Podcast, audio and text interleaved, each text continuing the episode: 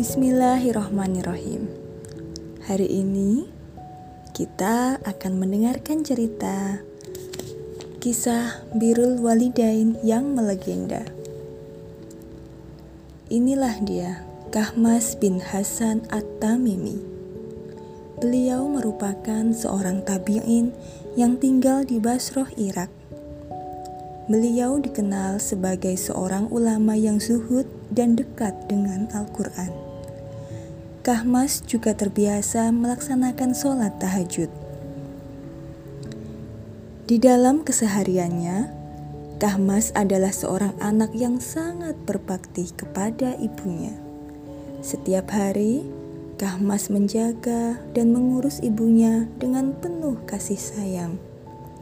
Perhatiannya kepada sang ibu bahkan melebihi perhatian terhadap dirinya sendiri. Suatu ketika, Kahmas melihat ada seekor kalajengking di lantai rumahnya. Karena khawatir kalajengking itu akan menyengat sang ibu, Kahmas kemudian berusaha menangkapnya. Sayang sekali, kalajengking itu sudah terlebih dahulu masuk ke sebuah lubang di sudut rumahnya.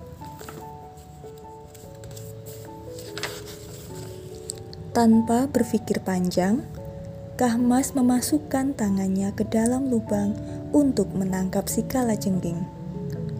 Akibatnya, tangan Kahmas disengat oleh kalajengking itu. Beliau pun meringis kesakitan. Orang-orang yang mengetahui kejadian tersebut tampak keheranan dengan apa yang dilakukan oleh Kahmas. Wahai Kahmas, mengapa kamu masukkan tanganmu ke dalam lubang itu?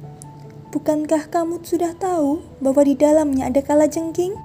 Tanya seseorang. Justru karena ada kala jengking di lubang itu, makanya aku memasukkan tanganku. Aku hendak menangkap kala jengking itu dan membuangnya keluar rumah. Aku khawatir jika dibiarkan, kala jengking itu akan keluar lagi dari lubang dan menyengat ibuku. Masya Allah. Orang-orang kagum mendengar jawaban dari Kahmas.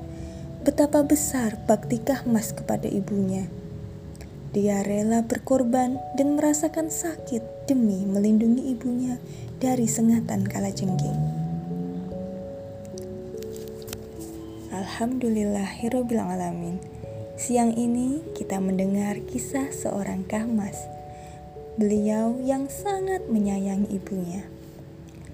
Dalam sebuah hadis dijelaskan, sahabat Abdullah bin Mas'ud berkata, Aku pernah bertanya kepada Rasulullah, Ya Rasulullah, manakah amal yang paling disukai Allah?